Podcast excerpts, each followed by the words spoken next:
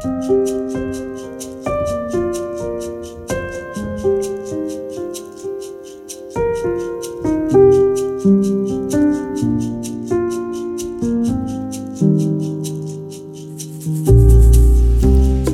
ble født på Madagaskar, øya i Det indiske hav utenfor Afrikas østkyst. Selv om jeg bare var fem år da familien min reiste til Norge for godt, liker jeg å skylde på min madagassiske bakgrunn når jeg noen ganger føler meg litt utilpass i den norske kulturen. Da jeg mange år senere fikk Øyvind Dahl som lærer, senere professor i kulturkunnskap på Misjonshøgskolen i Stavanger, falt noen brikker på plass. Ah, så det er derfor jeg er litt annerledes. Øyvind selv vokste opp på Madagaskar og jobbet der senere som misjonær, før han ble en pioner innenfor faget interkulturell kommunikasjon i Norge. I en artikkel forteller Øyvind Dahl om madagassernes tidsforståelse. På Madagaskar brukes metaforer, altså billedlige uttrykk om tid, som tyder på at fremtiden ligger bak dem, mens de ser inn i fortiden.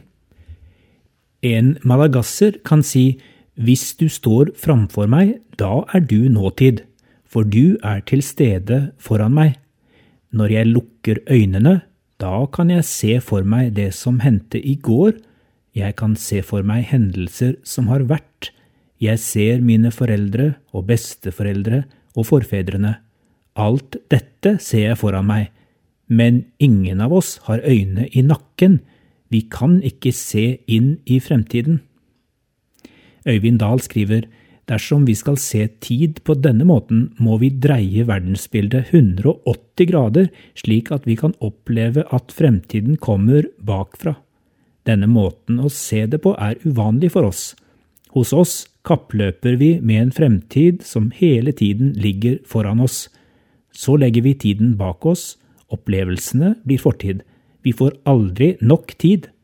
Når madagasserne ønsker hverandre godt nyttår, sier de gratulerer for året har innhentet deg.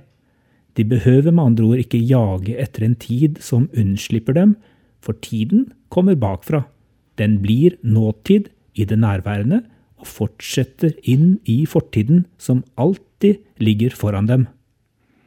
Dette lille sideblikket til Madagaskar er et lite eksempel på at tidsforståelse er kulturelt bestemt.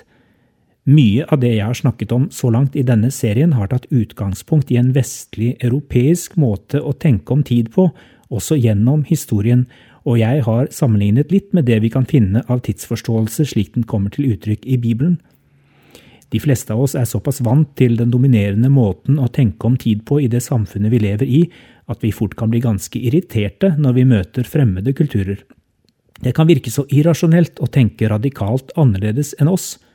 Som jeg fortalte om i begynnelsen av denne podkastserien, kan jeg noen ganger kjenne meg litt utilpass i en norsk setting der vi setter punktlighet veldig høyt som verdi. Ja, med god grunn kan vi i Norge mene at det å ikke være punktlig er å ikke ta hensyn til andre mennesker. Jeg bukker derfor nakken og vet at jeg fortjener all den kjeft jeg kan få når jeg for ofte kommer for seint til avtaler. Mine grunner til å komme for seint er som oftest for dårlige til at det er noen vits å diskutere. Jeg vet at jeg bare har å ta meg sammen. I en madagassisk setting vil det ikke uten videre være sant at det å komme for seint handler om å være hensynsløs overfor andre. Tvert imot. Øyvind Dahl forteller en episode fra sin tid som lærer på Madagaskar. En student kom for seint til en avtale på kontoret hans. Jeg kunne ikke komme før, for jeg møtte min onkel på veien, sa han til forklaring. For en madagasser er mennesker av kjøtt og blod viktigere enn abstrakte tidsavtaler. Derfor er det også vanlig å gjøre om avtaler og improvisere, altså finne løsninger på stående fot. I en gassisk sammenheng vil det å sette andre ting og avtaler til side for den personen en akkurat nå snakker med, være med å bekrefte de menneskelige relasjonene som aller viktigst, og det av relasjonell karakter som eventuelt skal skje i framtiden, vil være underordnet det som skjer her og nå. Derfor blir onkelen viktigere enn læreren i dette tilfellet. Hensynsløst overfor læreren, vil nok vi tenke, han tok jo av hans tid. Men en madagasser vil neppe tenke slik, for tiden er ikke en ressurs som forsvinner, den kommer og kommer. Det som er viktig, er det som skjer her og nå. En konsekvens av denne tidsforståelsen er en sterk nåtidsorientering. Planlegging for fremtiden blir helt abstrakt. Tidsfrister blir meningsløse. Jeg har for lengst innfunnet meg med at jeg ikke kan leve som om jeg bor i en annen kultur, men disse eksemplene fra Madagaskar kan likevel gjøre oss litt ydmyke. Jeg har jo allerede konstatert at vi i vår kultur ikke nødvendigvis har funnet den beste oppskriften på hvordan tiden og kalenderen skal håndteres på en sunn og bærekraftig måte. Jeg har dristet meg til å si at Jesus nok hadde utfordret oss ganske kraftig. Kanskje har vi noe å lære av andre kulturer? I de neste podkastepisodene vil jeg derfor snakke om tre måter å oppfatte tiden på. Lineær tid, syklisk tid og hendelsestid.